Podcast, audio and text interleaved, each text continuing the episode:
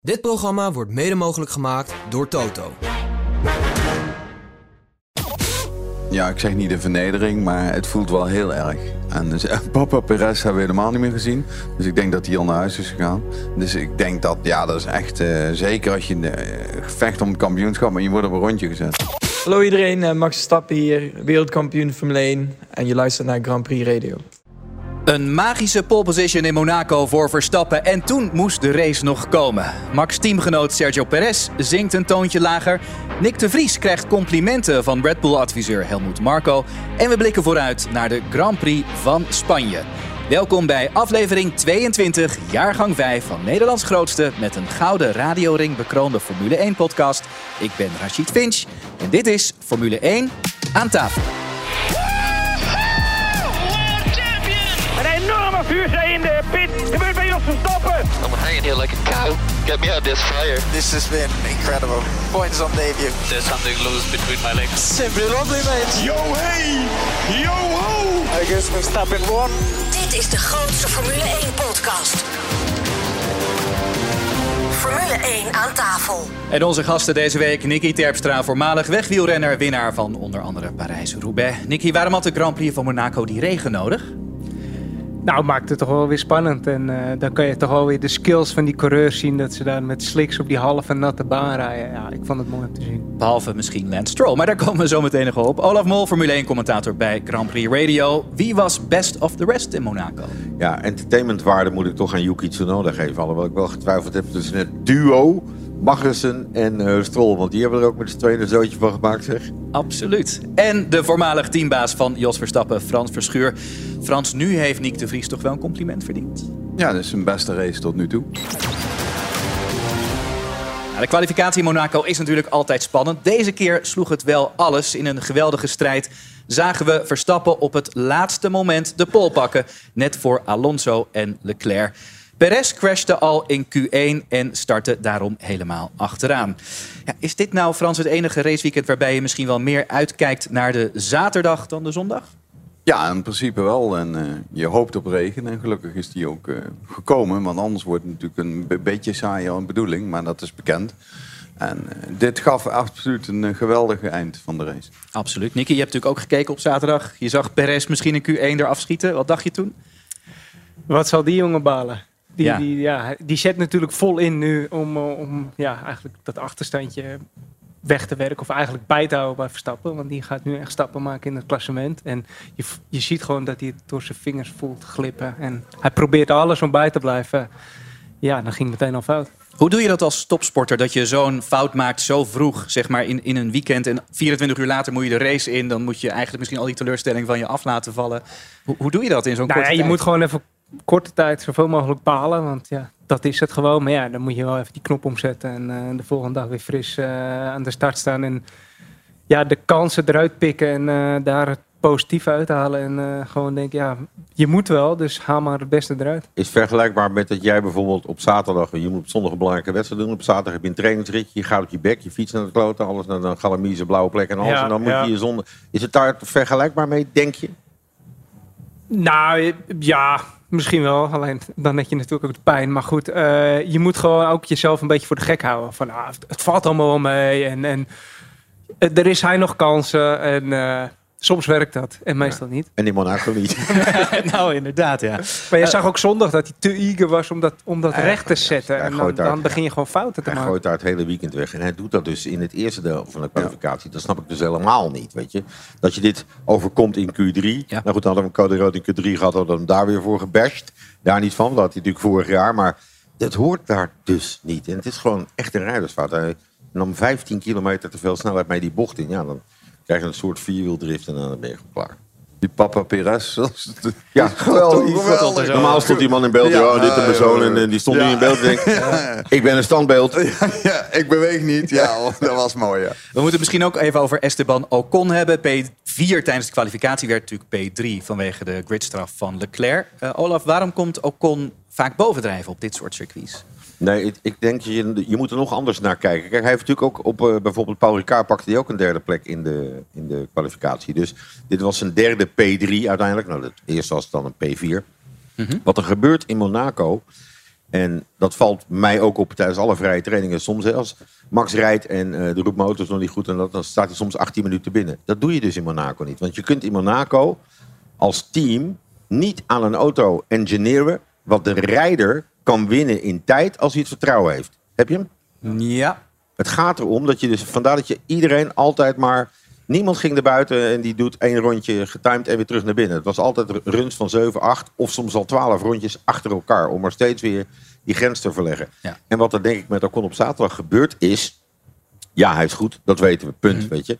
Maar dan krijg je Monaco. Dus hij heeft zeer waarschijnlijk, want we hebben eh, maar een heel klein deel van het rondje gezien. Mhm. En een goede ronde. En een redelijk vrije ronde. En dat zijn dan optelsommetjes van 1, 2, 3 tiende. Die je er dus niet aan engineert. Dus het is, het, is, het is meer de natuur van de baan. Waardoor, en daar kwam op zondag komen we zo nog op. Ja. De poppetjes, de coureur. Daarom is Monaco ook zo tof. Het is de coureur die je doet. En bijna niet de auto. Natuurlijk met een hele slechte auto wordt het ook niks. Mhm. Maar het is juist dat vertrouwen. En opbouwen, opbouwen, opbouwen. En dan, ja, dan komt hij eruit. Het enige wat het team dus kan doen is je zoveel mogelijk tijd op de baan geven. En natuurlijk de beste plek op de baan. Ja, dat, maar goed, dat hebben we laten horen. Die Leclerc die kreeg, eh, god, ik geloof een boordradio van anderhalf minuut. Je hebt twee seconden naar die en drie seconden en daarachter zit die met vier seconden. En dan een gat van vijf seconden naar die en dan en dan en dan en dan. En toen riepen ze nog, oh ja, na Magnussen zit een groot gat. Dan denk ik, ja, roep dat dan. Ja. Ja, want als coureur pak je dat niet. Dan, dan ben je en met die baan bezig, zit zo gozer in je mond. en Je hoort, eh, hou je mond. Weet je wel, zo zeg alleen drie dingen, meer niet. Ja, maar die eerste minuut van die anderhalf minuut ben je al vergeten. Ja, ja, dat, dat dat, is je bent zo bezig waanzin. met... Ja. Ja. En dan moeten we het natuurlijk nog over Max Verstappen hebben. Die leek eigenlijk niet de pole position te gaan pakken na twee sectoren in die allerlaatste run in Q3. En dan ineens met, ik geloof 84.000ste, pakt hij hem toch. Het, het zag eruit als misschien wel een van de ja, beste stukjes kwalificatie die ik ooit had gezien. Had jij dat zelf ook, Frans? Ja, ik verwachtte het ook niet. Ik zag wel twee groene sectors, maar ik denk, zo, die moet nog wel heel even. Totdat hij zeg maar, die laatste bij Raskas anders aansneed. Toen dacht ik van, hé. Hey. Maar ja, dat in een flash. Maar dan zie je hem eroverheen gaan. Denk ik, hoe is het mogelijk? Hoe is Ongelooflijk. De eerste het keer mogelijk? dat hij in die sessie de snelste tijd neerzette, was trouwens ook met drie keer groen, hè? niks paars. Dus dat, dat geeft alweer aan dat als je de, over de hele linie, als je ze allemaal redelijk oké in elkaar knoopt, dan ben je al een heel, dan ben je al een heel eind. Precies. Ik denk overigens wel met commitment en spanning en alles wat erop stond, durf ik hem wel aan dat het het beste kwalificatierondje, niet van Monaco, maar over zijn geheel is van de laatste 20 jaar wat ik gezien heb. Is zoveel commitment, twee keer de muur raken, holy Ja. tyfus. Denk je trouwens Laatste dat... eh, rondje, laatste sector. Ja. Ja, ik vond het echt eh, tof. Ja, maar het is eigenlijk de laatste twee bochten. Ja. Hè? Ja. ik neem even aan dat Max op zijn stuur ziet wat het gat is. Nee, hij ziet alleen een deltaatje. Ja, en, en, en dan zie je, die, hij kan het niet... Er staat uiteindelijk wel hoeveel het is, maar hij, Ja. ziet, alleen maar, hij ziet alleen maar plus en denkt kut. Dus Precies. het moet harder. Juist. Ja, en dat zal hem wel motiveren, inderdaad. De- de- tot slot over de kwalificatie. Had Alonso dan ook een gewoon minder goede derde sector? Of was die van Alonso eigenlijk ook wel oké? Nee, het rondje, kijk, als je met 84.000 die pol mist, is het rondje echt wel een oké rondje. Alleen van de hele ronde was de derde sector van de Aston Martin, laten we het dan even zo zeggen, de mindere. Ja, dat heeft gewoon te maken met uh, hoe hard kan je die auto nog laten rollen in Raskas als je van je gas af bent, voordat hij in het onderstuur slaat. Ja. En Verstappen koos daar inderdaad, wat Frans zegt, net een iets kleiner krapper lijntje aan de binnenkant. Ja, en dan pak je dat je daar die twee tienden goed maakt, dat is natuurlijk wel bizar. Maar het kan wel, want je wint meer tijd in langzame bochten dan in snelle bochten. Dat denkt iedereen altijd. Maar dat is, ja, je bent veel langer in die bocht en dan kun je daar dus ook veel makkelijker één of twee tienden pakken. Ja, je- was voor van Alonso niet zijn beste sector. En, en voor Verstappen was het de supersector. Ja, en dat dubbelop maakte dat verschil. En wat je ook ziet eh, tegenwoordig met deze barriers, die geven een beetje mee. Vroeger was het eh, staal en dan was het boink en was alles kapot. Nu zie je ze wel lichtelijk raken, maar de auto is niet gelijk helemaal kapot. Een beetje reclame eraf en zo en dat soort dingen. En ze veren natuurlijk een beetje. En dat, dat, ja, dat is net misschien genoeg. Wat ze Monaco gedaan hebben, ze hebben de palen waar ze aan vastzitten op bepaalde punten weggehaald. Zodat hij niet aan de binnenkant van de bocht daar ook een paal heeft staan. Want dan geeft hij niet Ja. mee. Ze zijn nog steeds, Ah, gewoon, ze zijn nog steeds gewoon van Ja. staal. Maar ze hebben bijvoorbeeld, hè, eh, als je kijkt naar het zwembad. Bij die chicane, daar kan iedereen hem een beetje raken. En die zitten goed genoeg vast. Maar ook dat ze dus een heel klein... dat- Ja. Net een vliegtuigvleugel. Als die, als die vliegtuigvleugel niet meebeweegt, dan breekt hij af. Ja. Laten we naar de race gaan. De zon schijnt boven de haven van Monaco. Zondagmiddag, drie uur. Maar iets verderop, boven de bergen, hangen ook donkere wolken. We gaan naar Olaf Mol. Zondag 28 mei 2023. Vier lampen, vijf lampen, alles uit en onderweg. En wie heeft de beste start? Verstappen heeft een hele goede start. Van Anne Alonso sluit aan, kijkt naar de buitenkant. En aan de binnenkant kijkt Esteban Ocon nog even over wat te halen valt. Maar het blijkt allemaal gewoon door San heen te komen. Oei, kleine touché daar tussen Lewis Hamilton en Carlos Sainz. Hamilton in de sandwich van de beide Ferraris. Als we het casino al voorbij zijn. En in al die pitboxen van al die teams zitten alle strategisten nu al te kijken. Waar liggen we? Hoe zit het? En wat kunnen we er nog op loslaten? Oh, touché. Kevin Magnussen gaf daar een beuk aan Logan Sargent. Geel in sector 2. Ook hier moeten ze soms helemaal terugkijken. Perez die stopt daar. En wat zegt Guang Yu Zhou? Nou, ga lekker langs de buitenkant. En die pakt gewoon twee plekken. Slimme actie, Guang Yu Zhou. Start uit het boekje toch, als je, als je Max Verstappen bent. Lijkt alsof Red Bull die problemen bij de start nu wel onder controle heeft. Ja, en deze start ging eenvoudig met Monaco eigenlijk wel helemaal goed. Normaal uh, ja, dan gebeurt er in het middenveld of achterin wel wat. Maar nee, ik vond het heel bijzonder. Nou, Max op de mediums, Alonso daarachter op de harde compound. Ik vraag het toch nog maar een keer. Wie neemt nou die beslissing op welke compound je start? Is dat het team of is dat de coureur? Ik denk bij Verstappen dat het toch een heel eind de, de coureur is. En bij andere rijders dan zal heel veel de engineer het uh, doen. Het zou toch altijd in samenspraak gaan? Ja, dat oké. maar wie, ja. heeft, wie heeft de overzicht, zeg maar? Als het ja, tuurlijk. Kijk, ik vond tijdens de race ja. wel heel mooi dat, dat de keuze echt bij Verstappen lag. Ja. Want zij zeiden echt van, nou ja, rij maar zo lang door op deze banden, zolang jij denkt dat het kan. Maar ik denk van tevoren, die beslissing is natuurlijk samen met de engineers kijken of je op één lijn ligt. En als dat niet zo is, dan pas ga je in discussie van, ja, die engineers hebben de data en de coureur heeft het gevoel. Nou ja. Er zitten 45 man te rekenen en die komen uiteindelijk gewoon met twee dingen. Dus wat er op tafel komt is uiteindelijk een no-brainer. En als je dan nog wat anders wil, dan kun je dat dus doen. Je zegt, oké, okay, ik, ik ben het met je eens. Maar als we, kijk, als we bij Aston Martin gezegd hadden... als we hetzelfde doen wat Red Bull waarschijnlijk doet... dan winnen we het nooit van hem.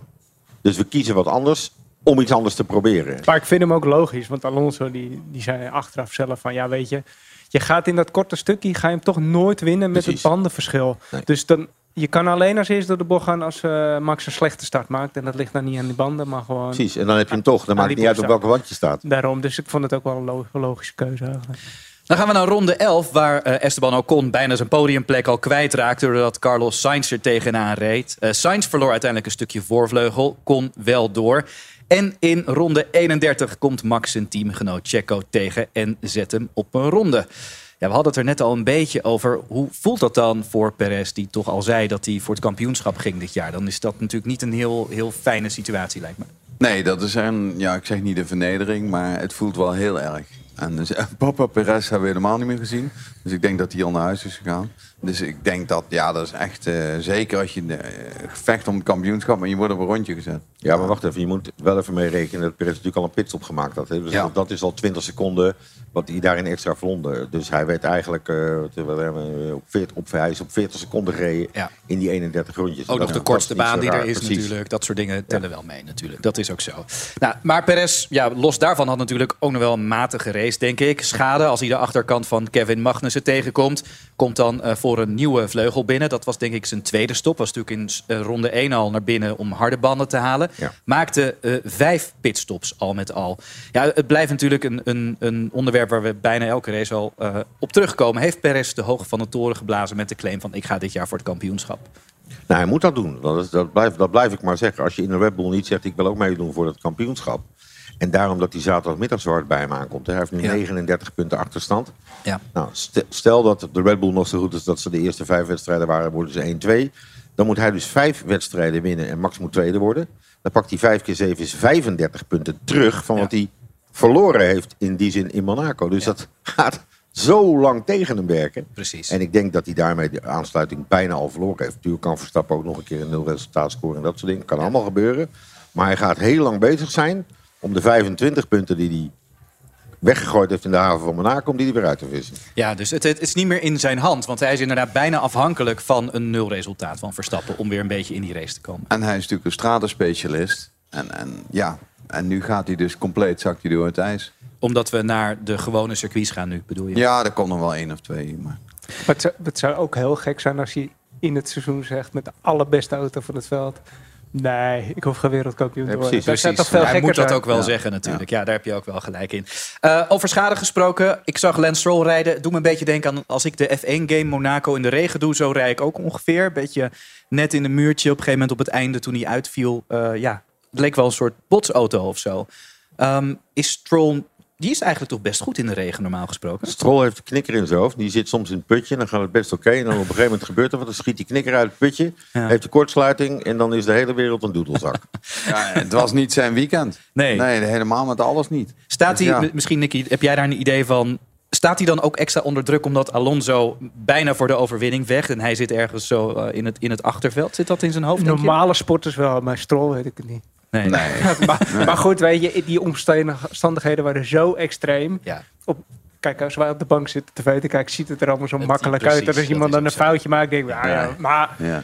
het is ook niet simpel hè, op Monaco in de regen. Nee, maar wat Lance Stroll natuurlijk, wat mij betreft, hij heeft een verkeerde mindset. Ik denk dat hij nog steeds eh, van zichzelf uitgaat. Omdat hij natuurlijk af en toe doet hij best goede dingen. En hij Ja. zo heeft soms beren starts en dat soort dingen. Heeft natuurlijk ook allemaal te maken dat hij twee hersencellen mist. En denkt, nou, het komt wel goed. En dan komt het meestal wel goed. Wat Stroll zou moeten doen in mijn optiek, is gewoon elk weekend die data van Alonso pakken. En op de simulator die data gaan proberen te bereiden. Dus zijn rijstijl aanpassen om te kijken of hij daarbij in de buurt kan komen. Want Ja. het is niet zo dat hij de data niet heeft of de data niet kan zien om te zien hoe het wel moet. Ja. Die heeft hij. Dus hij wat dat betreft zou hij de perfecte leermeester hebben om zijn eigen rijstijl aan te kunnen passen. Maar ja, dan moet je nog even het vermogen bovenin hebben om dat te doen. De schijfruimte, zeg maar, zijn, zijn megabytes zijn een beetje opdenken. Dan komen we in ronde 44 en zien we een spel tussen Verstappen en Alonso. Wie kan het langste doorrijden tot aan de eerste pitstop? Het begint te spetteren. Alonso is de eerste van de twee die binnenkomt, maar hij kiest voor een setje nieuwe mediums in plaats van regenbanden. En dan gaat het harder regenen. En niet zo'n beetje ook. Max Verstappen communiceert met zijn team. Alonso has pitted for dry tyres. Uh, understood, Max. We need inters, inters. Un- understood, Max. We are pitting for inters. Kijk, hij roept hem zelf af terwijl Sainz gespind was en dus terugzakt. En dan oogt er weer, misschien gloort er weer een podium. Maar ja, er zitten allemaal jongens in de buurt. Ook Sainz en Leclerc staan nog op de mediums te harken. En daar komen de Ocons en de Hamiltons en de Russells. En Sainz komt nu ook naar binnen. Het is daar nu te nat geworden. En ze denken, bereiden ze wel naar Gort. En ik denk dat Fernando Alonso nog een keer een stop moet maken. Ja. Die heeft verkeerd gegokt. Links in de balk, de stop van Verstappen in rondje nummer 55. Paul nadat Fernando Alonso dat gedaan had. Hij naar de intermediate banden. En de beide Ferraris hier, ja, dit wordt weer zo'n keus. Wie gaan we binnenhalen? En wie laten we nog een rondje zwemmen? Verstappen van de leiding aan de leiding. Want dat was toch het plan. En dat is ook gelukt. En Alonso is meteen alweer naar binnen. Even voor de zekerheid bij Alonso. Dit was niet een, een fout van het team als in we hebben de verkeerde banden klaarstaan. Ze hebben gewoon gegokt en de verkeerde gok gemaakt, toch? Nee, ik, durf, ik ga er wel een stapje verder. Ik denk dat eh, het moment dat dat gebeurde, reed eigenlijk iedereen door. Ondanks die natte weersomstandigheden. En Max kreeg ook een bordrijder. Wat doet de rest? Ja, die rijdt nog door. Ah, mooi. Eh, ik denk dat Alonso, zonder dat ze dat hebben gezegd, toch echt voelde. Ik zit tegen het einde van het leven van deze band aan. Jammer, het is niet gelukt. Hè, dat we dachten we kunnen langer doorrijden. Ja. Toen naar binnen kwam en inmiddels dat hij naar buiten reed, was er een veel groter stuk nat. En de alle anderen daarachter, want hij was natuurlijk eh, hij was de allereerste. Ja. Die kwamen voor Inters. Dus daardoor dat hij meteen naar binnen dook. Dus ik denk niet zozeer dat het een foute keuze is. Hij heeft zelf niet om die Inters te roepen, maar op dat moment riep er nog bijna niemand over Inters. Want Max deed dat ook pas weer later. Toen Alonso binnen was, kwam hij dat tegen. Zei, ja, de volgende ronde moet ik Inters hebben. Dus denk, niet- ik denk dat het een samenloop van omstandigheden geweest is. Nou, dat kan echt de enige verklaring zijn, want ik Ja. vond het echt een hele rare beslissing. Je vond het, Ja, ja. maar wij Ja, zien en nog steeds, Nicky, wij, zien het, wij zien het gebeuren. Dan komt Alonso binnen, daar zie je niet zoveel van. En dan zie je al die anderen op dat natte deel komen. Maar die zaten allemaal achter hem. Dus het is een situatie die achter hem gebeurde. Ja, tuurlijk zien wij meer, maar in die omstandigheden beslis je dat toch om nog een rondje uit te stellen om te kijken wat de regen, wat de regen doet. Ik bedoel, hij had de speling naar achter. Ja. Dan had hij kunnen gokken om als eerste op de min, eh, Inters te gaan, want dan had je je voordeel kunnen pakken of uitstellen. Maar dit was echt. Nou ja, maar het is wel Dit een beetje, echt nergens het is, op. het is, het is hindsight. is Hij heeft het wel meteen gecorrigeerd, hè? hè, zelfs. Door meteen weer naar binnen te rijden. Maar ja, dat, is waar. Scheelt me dan weer 20 seconden. Nee, ik kan de gok natuurlijk ook de andere kant op maken. Zoals Sergio Perez, helemaal achteraan de P17. Die gaat dan als eerste in ronde 59 op de volwets. En even later... Ja, dat moest hij, want hij had een lekker band op zijn inters. Want hij had weer bij het de muur geraakt. Ah, dat had ik even gemist. Oké, Ja, ja. Die dacht, nou, doe dan maar fulls. Ja. Ja. En wellicht een klein testje, want die full wet was de nieuwe zonder de eh, bandenwarmers. Ja. En daar heeft Red Bull dan nu op die auto van Perez dan wat data van. Want het, Klein was, beetje het was zeker niet nat genoeg om echt op rijden. Ik denk dat ze gewoon even gekeken hebben wat die Ik denk dat het, eh, we offeren hem op, daarvoor is hij. dus ja, laat hij het maar testen, Ja. hebben ze wat data. Die punten ging niet nog niet Nee. meer halen. Nee, ja, Nee. precies. En dan horen we Max Verstappen weer op de boordradio. Met best een relaxed antwoord gezien de omstandigheden als het gaat om de banden. Do you see anything other than an inter in these next nine laps? No, no. Understood. Thank you.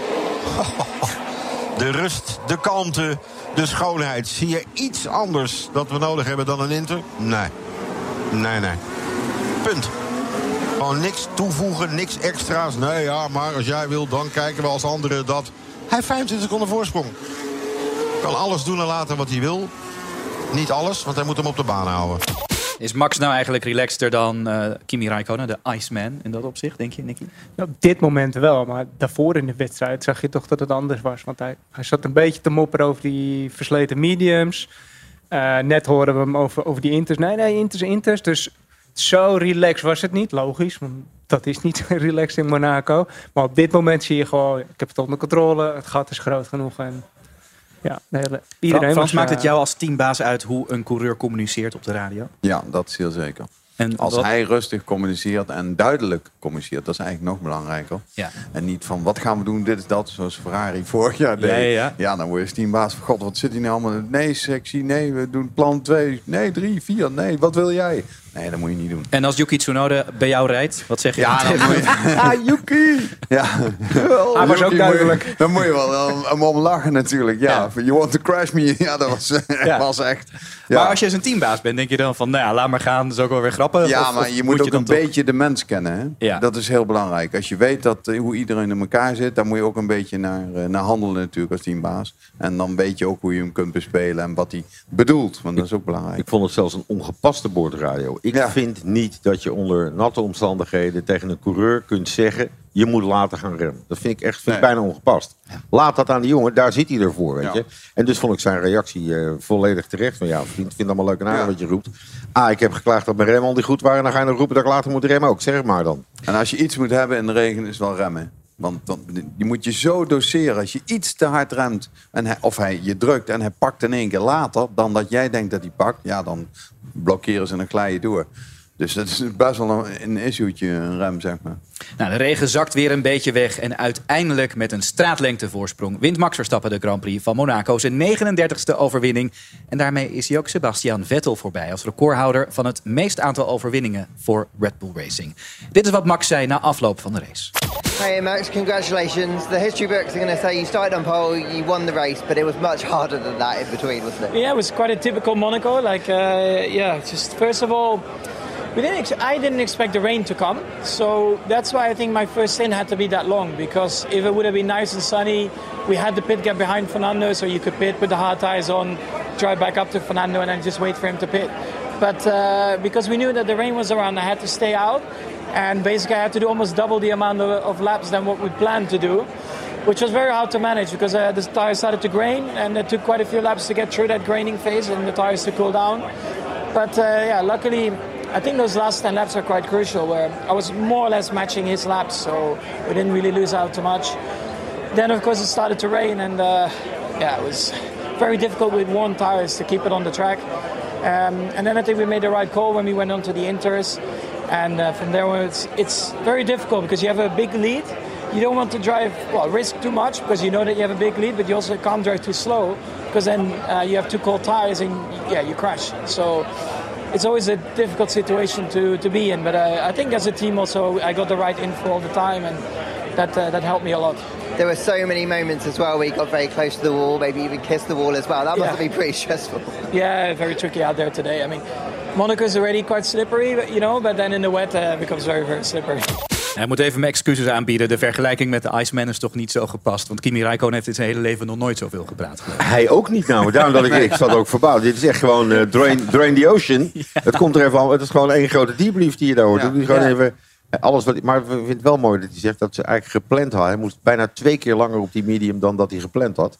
En ik had het in het commentaar ook al gedaan. Hij, hij is gewoon bij gaan houden. Wat rijdt Alonso wat verlies ik? Zolang dat te klein bleef, oh, dus dat hij die tijden redelijk kon pareren, dan blijf ik ook rijden. Zoek het maar uit.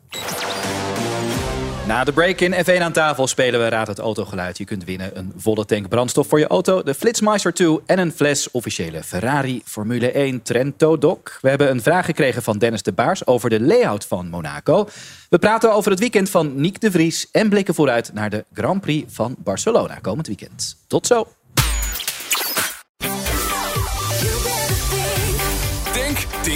Tink, Max Korting. Profiteer en race nu naar tink.nl.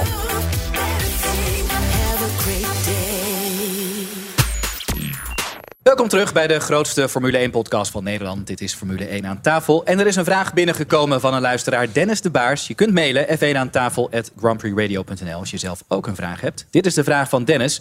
Vorige week sprak Olaf over mogelijke aanpassingen aan de layout van het circuit in Monaco.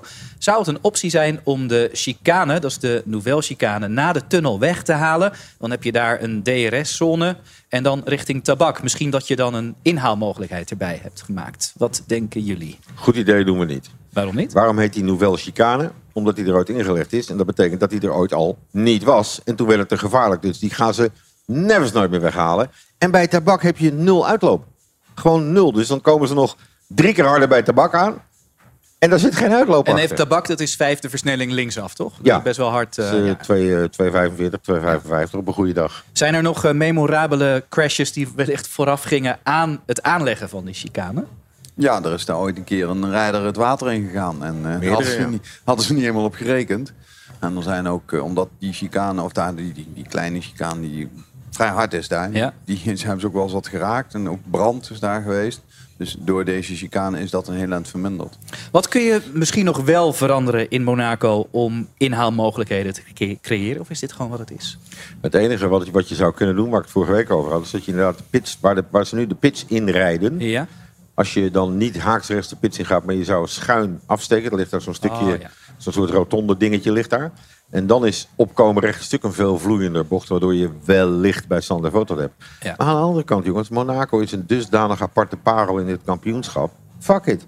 Want als je kijkt naar alle veiligheidseisen, als je zegt van ja, eh, de veiligheidseisen van de FIA, zijn, dan zou je hier niet eens kunnen rijden. Hè? Horner heeft het ook gezegd, als Monaco niet al zo lang op de kalender stond, dan was hij er nu echt niet bij gekomen. Dus laat dat nou eens zijn zoals het is.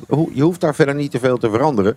Misschien met dat nieuwe deel wat ze nu bij de tunnel, wat ze angstvallig buiten beeld houden, want er wordt gewoon een heel nieuw, heel nieuw stuk bijgebouwd. Ja. Dat, dat ze daar nog een loopje kunnen maken om voor ze de tunnel ingaan. Geen idee, maar daar wordt de baan alleen maar langer voor. Langere stukken om in te halen zie ik op Monaco niet gebeuren. Nee, je moet echt een lang rechtstuk hebben om...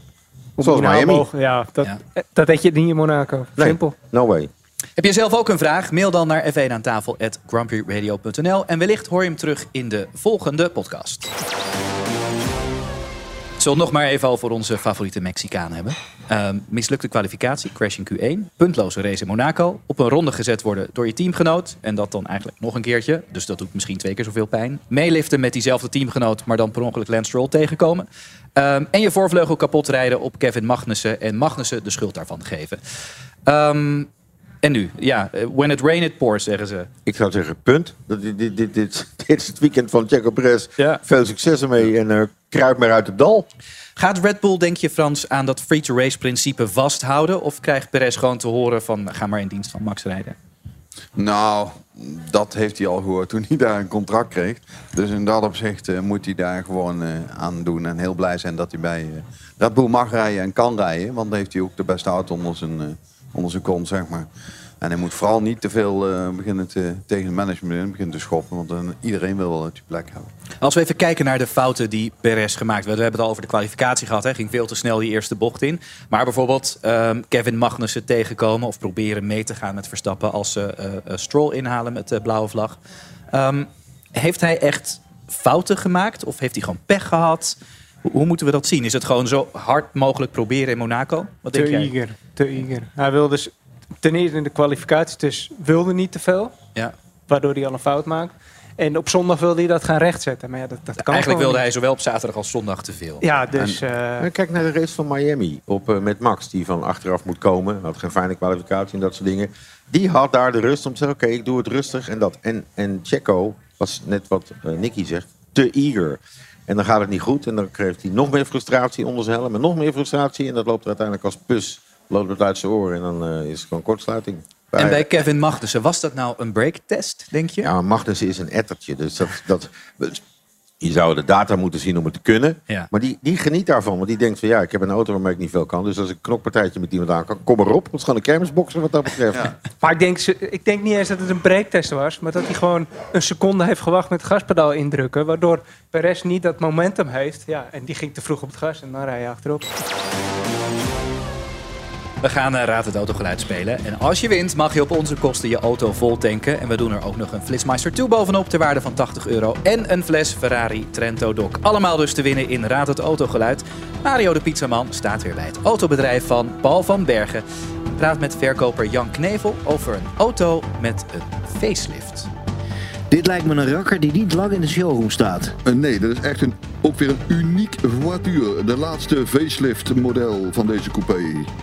Is het een vakantieauto? Eh, absoluut, absoluut. Lekker met een panodak erin. Het is geen cabrio, maar ja, panodak open krijg je toch wel weer het cabrio gevoel. En ja, de, de juiste optie. Digitaal dashboard erin, het mooie hout erin. Hij is gewoon zoals hij wezen moet. Het is lust voor het oog, mag ik hem horen? Eh, jazeker, ik slinger hem aan voor je.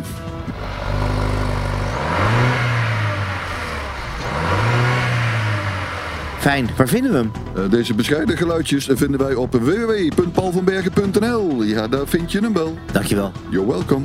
Ja, van welke auto was dit geluid? Als je het weet, mail dan naar f1 aan tafel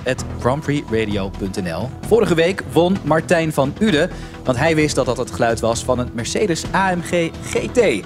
Veel rijplezier. Je mag de tank van je auto helemaal volgooien bij Tink. Je krijgt de Flitsmeister toe ter waarde van 80 euro om te voorkomen dat je te hard rijdt. En proost ook Martijn, want je wint een officiële fles Ferrari Formule 1 Trento Doc, zoals de coureurs die ook op het podium krijgen. Dan gaan we naar Niek de Vries, de andere Nederlander die natuurlijk meedeed. Twaalfde gekwalificeerd, althans hij startte twaalfde, eindigde ook als twaalfde.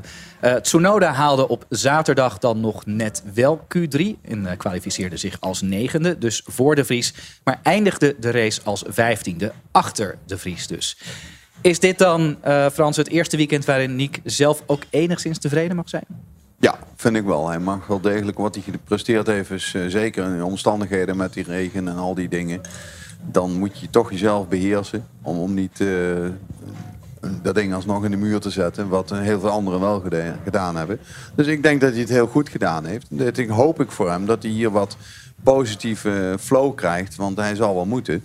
Om, om Barcelona en die races daarna ook... eh Yuki eh, het schenen, het vuur aan zijn schenen te leggen. Open dat is een mooi. Open deurtje. Hij had een beter weekend dan Perez. Ja, zo, nee, maar zo, Ja, zo, ja, zo oké. simpel is het. Want dat is natuurlijk... Hij kwam natuurlijk met, met de kritiek en ook van Helmut Marco richting Monaco. Dus die jongen heeft een marge in zijn kop gehad. Die denkt, ja, het is maar één ding. Wat ik ook doe, dat ding gaat niet plat. En dat kost tiende. En als je dan alsnog daarmee een prima kwalificatie doet... dan, dan blijkt dus maar weer dat, dat je, je, je racegochme...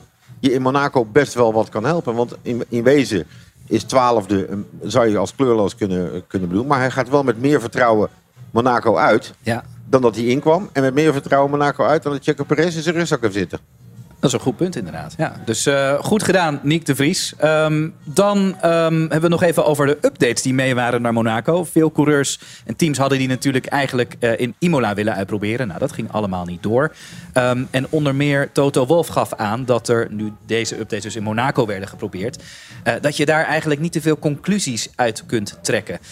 Nou heeft Mercedes misschien wel het grootste pakket doorgevoerd. Die auto zag er best wel wat anders uit.